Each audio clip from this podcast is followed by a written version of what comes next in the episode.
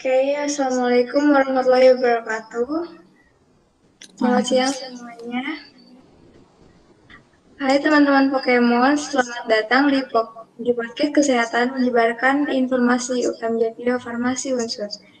Ketemu lagi dengan saya Cynthia Rahmadewi dan rekan saya Fadla Reski. Dan ini merupakan episode keempat di periode jabatan 2020-2021. Nah, untuk tema podcast kita kali ini, kita akan membahas tentang overthinking. Yang pastinya overthinking itu sendiri juga udah nggak asing ya di telinga kita semua. Untuk kali ini, saya ditemani oleh pembicara kita yang sangat luar biasa, itu saya perkenalkan Kak Salma Dia Saraswati, dan merupakan uh, psikolog klinis ya, Kak? Betul. Oke, sebelumnya saya akan membacakan CV dari Kak Salma. Untuk nama lengkapnya yaitu Salma Dia Saraswati, lahir di Madiun 24 Agustus 1994, pendidikan S1 dan S2 di Psikologi Universitas Islam Indonesia. Untuk pekerjaannya 2019 sampai 2020 Detection di Ions International Group sebagai asosiat konselor 2019 sampai 2020 di Biro Psikolog Laksita Eduke, Educare Yogyakarta sebagai Associate Psikolog. 2019 sampai 2020 juga bekerja di Fakultas Ekonomi Universitas Islam Indonesia sebagai trainer kelas pengembangan diri. 2019 sampai sekarang di Halodoc dan Sahabat Karir sebagai psikolog online untuk 2019 sampai sekarang di Kemahsiswaan dan Karir Center UII sebagai Associate Psikolog and Counselor 2020 sampai sekarang di Politeknik Perkebunan LPP Yogyakarta sebagai pengajar kelas pengembangan diri. Untuk pekerjaan yang sudah dijalani sangat banyak sekali ya teman-teman. Ini sangat berpengalaman. Oke, untuk selanjutnya mungkin kita langsung masuk ke sesi tanya jawab ya kak. Kan sekarang kita mau berbicara tentang overthinking nih. Nah, untuk overthinking itu sendiri apa sih dan penyebabnya itu apa? Oke, okay.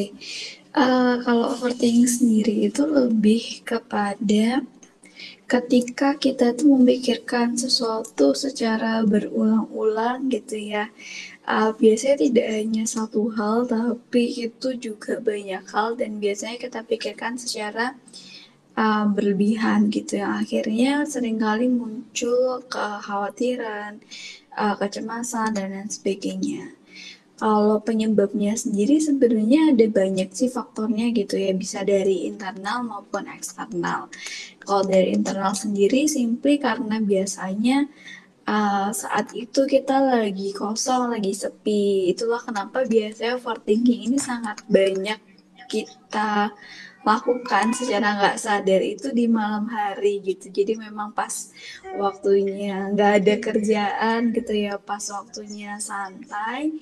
Terus emang pikiran kita tuh bisa uh, apa ya berkelana ke mana-mana lah akhirnya kayak gitu. Uh, kemudian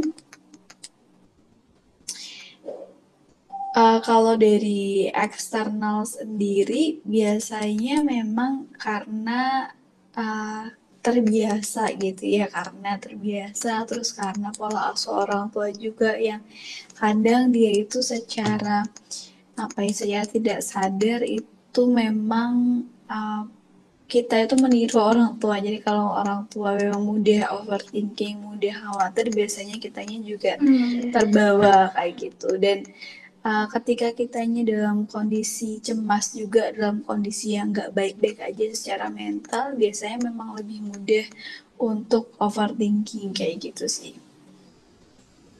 Oh, baik. Terima kasih kan atas jawabannya. Mungkin selanjutnya untuk tanda-tanda seorang yang mengalami overthinking itu ada tanda-tanda itu tersendiri nggak ya? Tanda-tandanya, oke. Okay. Tanda-tandanya ini biasanya uh, kita sendiri paham kalau uh, biasanya pikiran kita tuh ruwet dan banyak dalam artian kayak itu banyak aja sih yang kita pikirkan mulai dari uh, misalnya kuliah, sekolah, uh, apa namanya pertemanan, terus keluarga, masalah sendiri dan lain sebagainya gitu. Jadi biasanya uh, pikiran kita tuh penuh dan kita ngerasa khawatir akan banyak hal juga. Terus kita biasanya memang nggak bisa berhenti mikirin banyak hal sih kayak gitu jadi yeah. Iya. uh, biasanya kita sendiri cukup ngerasain itu gitu sih kalau dari tanda-tandanya oh berarti tanda-tandanya itu kita selalu berpikir ruwet kayak gitu ya kak mm -mm. Mm -mm. terus dipikirkan berkali-kali aja oke okay. Uh, untuk pertanyaan berikutnya, kita masuk ke pertanyaan dari Instagram nih Kak, dari okay. teman-teman. Pertama ada dari Putri, untuk overthinking itu sendiri itu wajar nggak sih? Sejauh okay. mana batas kewajaran overthinking buat dilakukan? Oke. Okay. Uh, sebenarnya overthinking itu cukup wajar ya karena hampir semua orang tuh sebenarnya melakukannya gitu ya uh, iya, sadar nggak sadar gitu. Hmm. Cuma memang batasannya adalah seberapa sih kemudian itu berpengaruh ke kita gitu ya. Apakah kemudian karena kita terlalu banyak overthinking terus uh, kita jadi nggak bisa ngapa-ngapain dalam artian kita jadi hmm. mau ngapa-ngapain tuh entah takut atau kita nggak berani atau nggak jalan aja gitu jadi ketika overthinking ini sudah menghambat uh, kehidupan kita sehari-hari uh, kemudian udah bis udah berdampak ke hal yang apa ya negatif lah ke kita itu berarti yeah. sudah perlu ber, di, perlu di apa ya perlu di notice deh gitu. Tapi kalau kayak ah nggak apa sekali-kali overthinking tapi habis itu kita bisa balik lagi kayak eh bentar bentar bentar ini kan cuma pikiran aku doang atau ini kan cuma kekhawatiran aku doang gitu. Terus bisa uh, bisa do something about it bisa apa ya bisa mengambil sikap perilaku itu masih cukup uh, aman sih gitu Oke.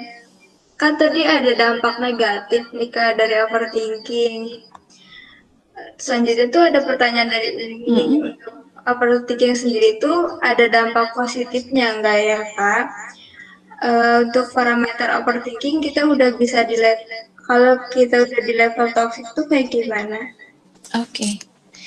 Hmm, kalau ini kalau di level toxic dulu ya, kalau di level toxic itu emang biasanya uh, pikiran kita tuh jadi apa ya 100% kita percaya dan ini jadi menghambat kita untuk ber, berperilaku gitu. Dan malah uh, apa ya kita jadi menghindari masalah kemudian kita jadi nggak uh, produktif kayak gitu. Jadi kebawa pikiran aja itu kalau udah yang uh, toxic banget. Bahkan kita bisa sangat mudah mempercayai hal-hal yang kita takutkan itu. Kayak misalnya kita overthinking soal ih bener gak ya uh, uh, pasangan aku sayang sama aku gitu. Kita cuma pikirin terus gitu kan. Terus kayak nggak uh, nggak kita apa ini kita cuma overthinking doang. Kita nggak nanya kita nggak coba mastiin perilakunya dan segala macam. Jadi cuma di pikiran dan akhirnya itu bikin kita nggak nyaman bikin kita insecure dan segala macam.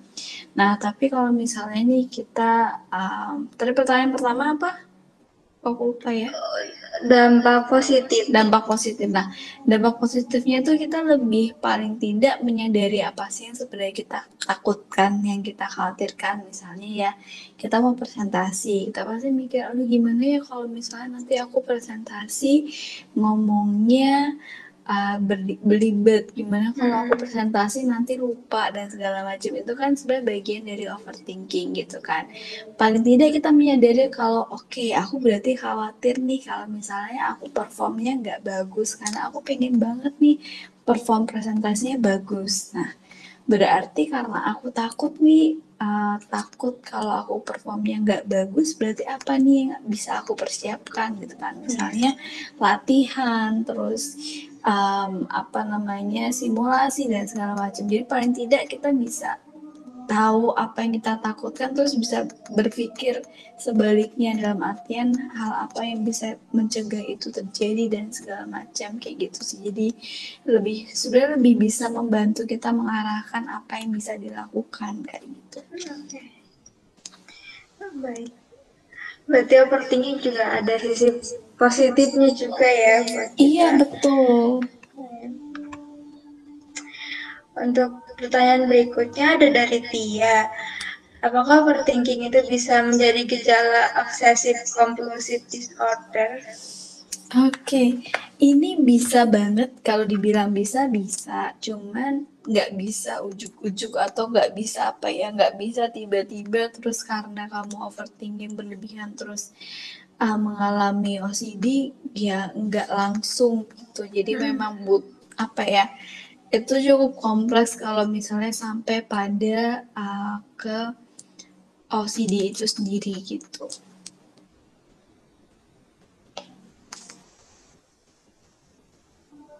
Berarti bisa ya. Bisa, bisa. Untuk selanjutnya itu ada pertanyaan dari Gina. Apakah overthinking itu bisa mempengaruhi kesehatan kita secara fisik? Mm-mm. Eh, bisa banget sih gitu karena pikiran terus fisik dan perasaan itu saling uh, apa ya berpengaruh lah satu sama lain gitu jadi kalau misalnya kitanya lagi ini simple deh misalnya kita lagi nggak baik-baik aja gitu ya kita lagi stres dan segala macam pasti secara fisik kita ngerasa uh, lah, nggak enak gitu ya kita ngerasa Iya. capek lelah gitu ya nggak ada energi nah gitu juga kalau misalnya kita overthinkingnya berlebihan banget ya akhirnya uh, itu bisa jadi bikin fisik kita tuh uh, simply misalnya kita jadi tidurnya uh, terlalu malam gitu ya Mm-mm. kita terus jadi uh, apa insomnia jadi begadang yang akhirnya ngaruh ke fisik Betul, kita betul. juga kayak gitu sih Oke. Iya, betul banget itu. Aku juga kadang sering kayak gitu.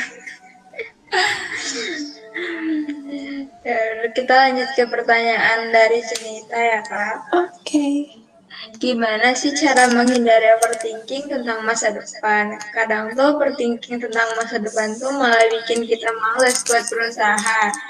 Tapi susah banget tuh buat menghindarinya, overthinking tentang masa depan. Apalagi kalau lihat orang-orang tuh yang stepnya udah jauh dari kita. Mm. Oke, sebenarnya nggak bisa dihindari sepenuhnya sih gitu, tapi memang perlu untuk kita handle dan kita kendalikan aja. Misalnya, Hmm. sesederhana kita em, apa namanya kita luangkan aja deh waktu misalnya satu hari uh, sebelum tidur kita benar-benar overthinking bebas ya mau misalnya setengah jam kita benar-benar overthinking tentang banyak hal. Tapi di luar waktu itu kita coba uh, apa ya kita coba untuk mindful kita coba untuk uh, apa ya fokus ke hari ini gitu ya apa yang bisa kita lakukan hari ini. Dan uh, perlu diingat bahwa overthinking itu nggak nggak bikin kita ke mana-mana. Dalam artian itu memang bikin kita nyaman ya maksudnya kita mikir yang uh, entah ke mana-mana tentang masa depan dan lain sebagainya gitu. Tapi ingat bahwa kita nggak akan pernah tahu apa yang terjadi di masa depan gitu kan. Uh, itu adalah sesuatu yang di luar kendali kita. Jadi yang bisa kita lakukan adalah oke fokus ke apa yang bisa aku lakuin saat ini. Kalau misalnya kita takut aduh gimana ya kalau misalnya besok uh, aku habis lulus nggak dapat kerja misalnya gitu ya berarti apa yang bisa aku lakukan saat ini supaya uh, men- supaya bisa mencegah itu terjadi misalnya paling tidak uh, benerin CV terus ikut kegiatan terus cari lowongan dan segala macam jadi kita fokus ke yang bisa kita uh, kendalikan aja sih kayak gitu Berarti itu juga termasuk kayak dampak positifnya ya, Kak? benar benar kita di jauh-jauh hari ini. Oke, untuk selanjutnya, aku mau bacain pertanyaan dari Vista dan Rajul. Overthinking itu obatnya gimana sih Eh, untuk overcome, overcome atau mencegah dan mengurai overthinking itu gimana? Oke. Uh, yang pertama kita perlu menyadari dulu apa sih yang sebenarnya kita pikirkan atau kita takutkan atau kita khawatirkan gitu. Jadi uh, apa namanya ketika ditanya misalnya apa yang bikin kamu overthinking atau apa yang kamu pikirkan kita tuh perlu tahu dulu gitu. Jadi kita bisa coba untuk uh, menuliskan gitu hal-hal yang kita pikirkan atau kita overthinkingan tadi gitu ya supaya kita lebih menyadari apa sih sebenarnya ada di pikiran aku gitu jadi ibarat kalau misalnya kita punya uh, apa namanya kabel banyak gitu. Ini kita coba urai satu-satu dulu supaya kita lebih tahu dulu apa yang kita pikirkan. Baru dari sana kita bisa mencari tahu apa sih yang bisa membuat kita uh, nyaman atau hal-hal apa sih yang bisa kita usahakan untuk itu. Misalnya tadi ternyata setelah aku cari tahu aku overthinking soal tadi ya soal misalnya presentasi besok gitu kan oke okay, uh, berarti apa nih yang bisa aku lakukan supaya uh, apa ya paling tidak mempersiapkan itu apa yang apa yang bisa aku lakukan untuk saat ini kayak gitu. Jadi uh, kita fokus ke here and now ke uh, masa saat ini kemudian ke pencegahan tadi dan memang perlu untuk mengambil sikap sih memang tidak mau kayak gitu sih. Dan pelan-pelan aja satu-satu dalam artian memang nggak perlu buru-buru uh, untuk 100% tidak overthinking karena nggak mungkin gitu ya tapi paling yeah. tidak kita bisa lebih sadar dan lebih aware kalau oke okay, ini aku khawatir doang nih ini aku takut doang nih gitu kita mm-hmm. coba balik ke sekarang sambil uh, dibantu relaksasi juga bisa sih okay. Ini mungkin masuk ke pertanyaan terakhir ya kak Udah kerasa cepet banget uh, untuk pertanyaan terakhirnya itu apakah ada pesan dari Kak Salma untuk orang-orang yang sering overthinking? Oke, okay. um, ya uh, pesanku bahwa memang overthinking itu wajar banget dan boleh dilakukan gitu. Tapi tetap ingat uh, batasannya gitu ya. Ingat bahwa overthinking nggak bikin kita ke mana-mana gitu ya. Kalau itu berlebihan justru itu bikin kita nggak nyaman dan cemas sehingga fokus ke hari ini, fokus ke apa yang bisa kamu lakukan dan uh, memang pada akhirnya serahkan hasilnya ke um, ya ke semesta ke Tuhan gitu ya. Meskipun memang yeah. sering kali um, apa ya hasil akhir tuh mungkin tidak sejalan dengan tidak selalu sejalan dengan apa yang kita harapkan gitu ya.